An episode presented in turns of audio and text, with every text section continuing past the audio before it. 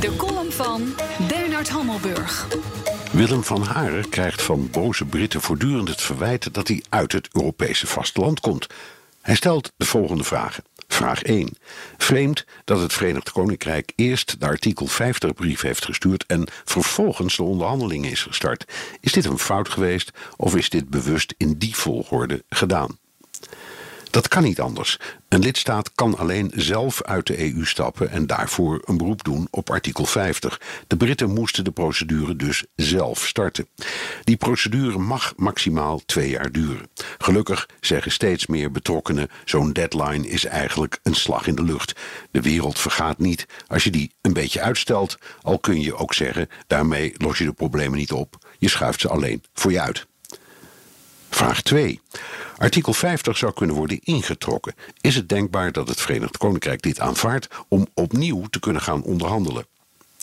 Ja, daarover heeft het Europese Hof een uitspraak gedaan. De Britten kunnen artikel 50 intrekken. Het zou mooi zijn, maar de kans lijkt me gering. Dat ze zich dan later opnieuw in zo'n procedure zouden storten, lijkt me hoogst onwaarschijnlijk. Vraag 3. Wie naar de economische, historische en machtspolitieke factoren kijkt, moet concluderen dat de EU een razend succes is. Hoe komt het toch dat de EU dit niet aan haar eigen publiek verkocht krijgt? Omdat steeds meer eurosceptici die conclusie tegenspreken. Tegen een economische unie hebben ze niet zoveel bezwaar, maar dat, om een voorbeeld te noemen, Brussel uitmaakt of en hoe vliegveld Lelystad wordt ontwikkeld en niet Den Haag, vinden ze een flagrante inbreuk op de soevereiniteit van de lidstaten. Vraag 4. Zou de groeiende onvrede binnen de EU, het Verenigd Koninkrijk en de uiteindelijke brexit een positief effect kunnen hebben op hervormingen binnen de EU? Dat hopen veel politici in de lidstaten inderdaad. Simpel gezegd, de voorstanders van bijvoorbeeld een Nexit, een Frexit of een Italexit zullen zich nog wel eens achter de oren krabben. In Italië zie je dat het duidelijkst. Daar is de anti-Europa-stemming echt omgeslagen. Of dat ook hervormingen vergemakkelijkt, is wel erg optimistisch. Vraag 5.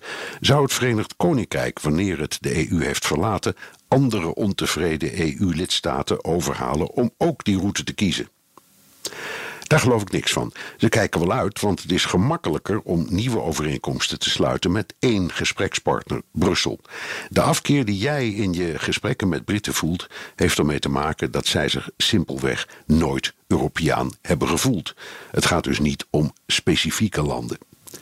Dank Willem van Haren.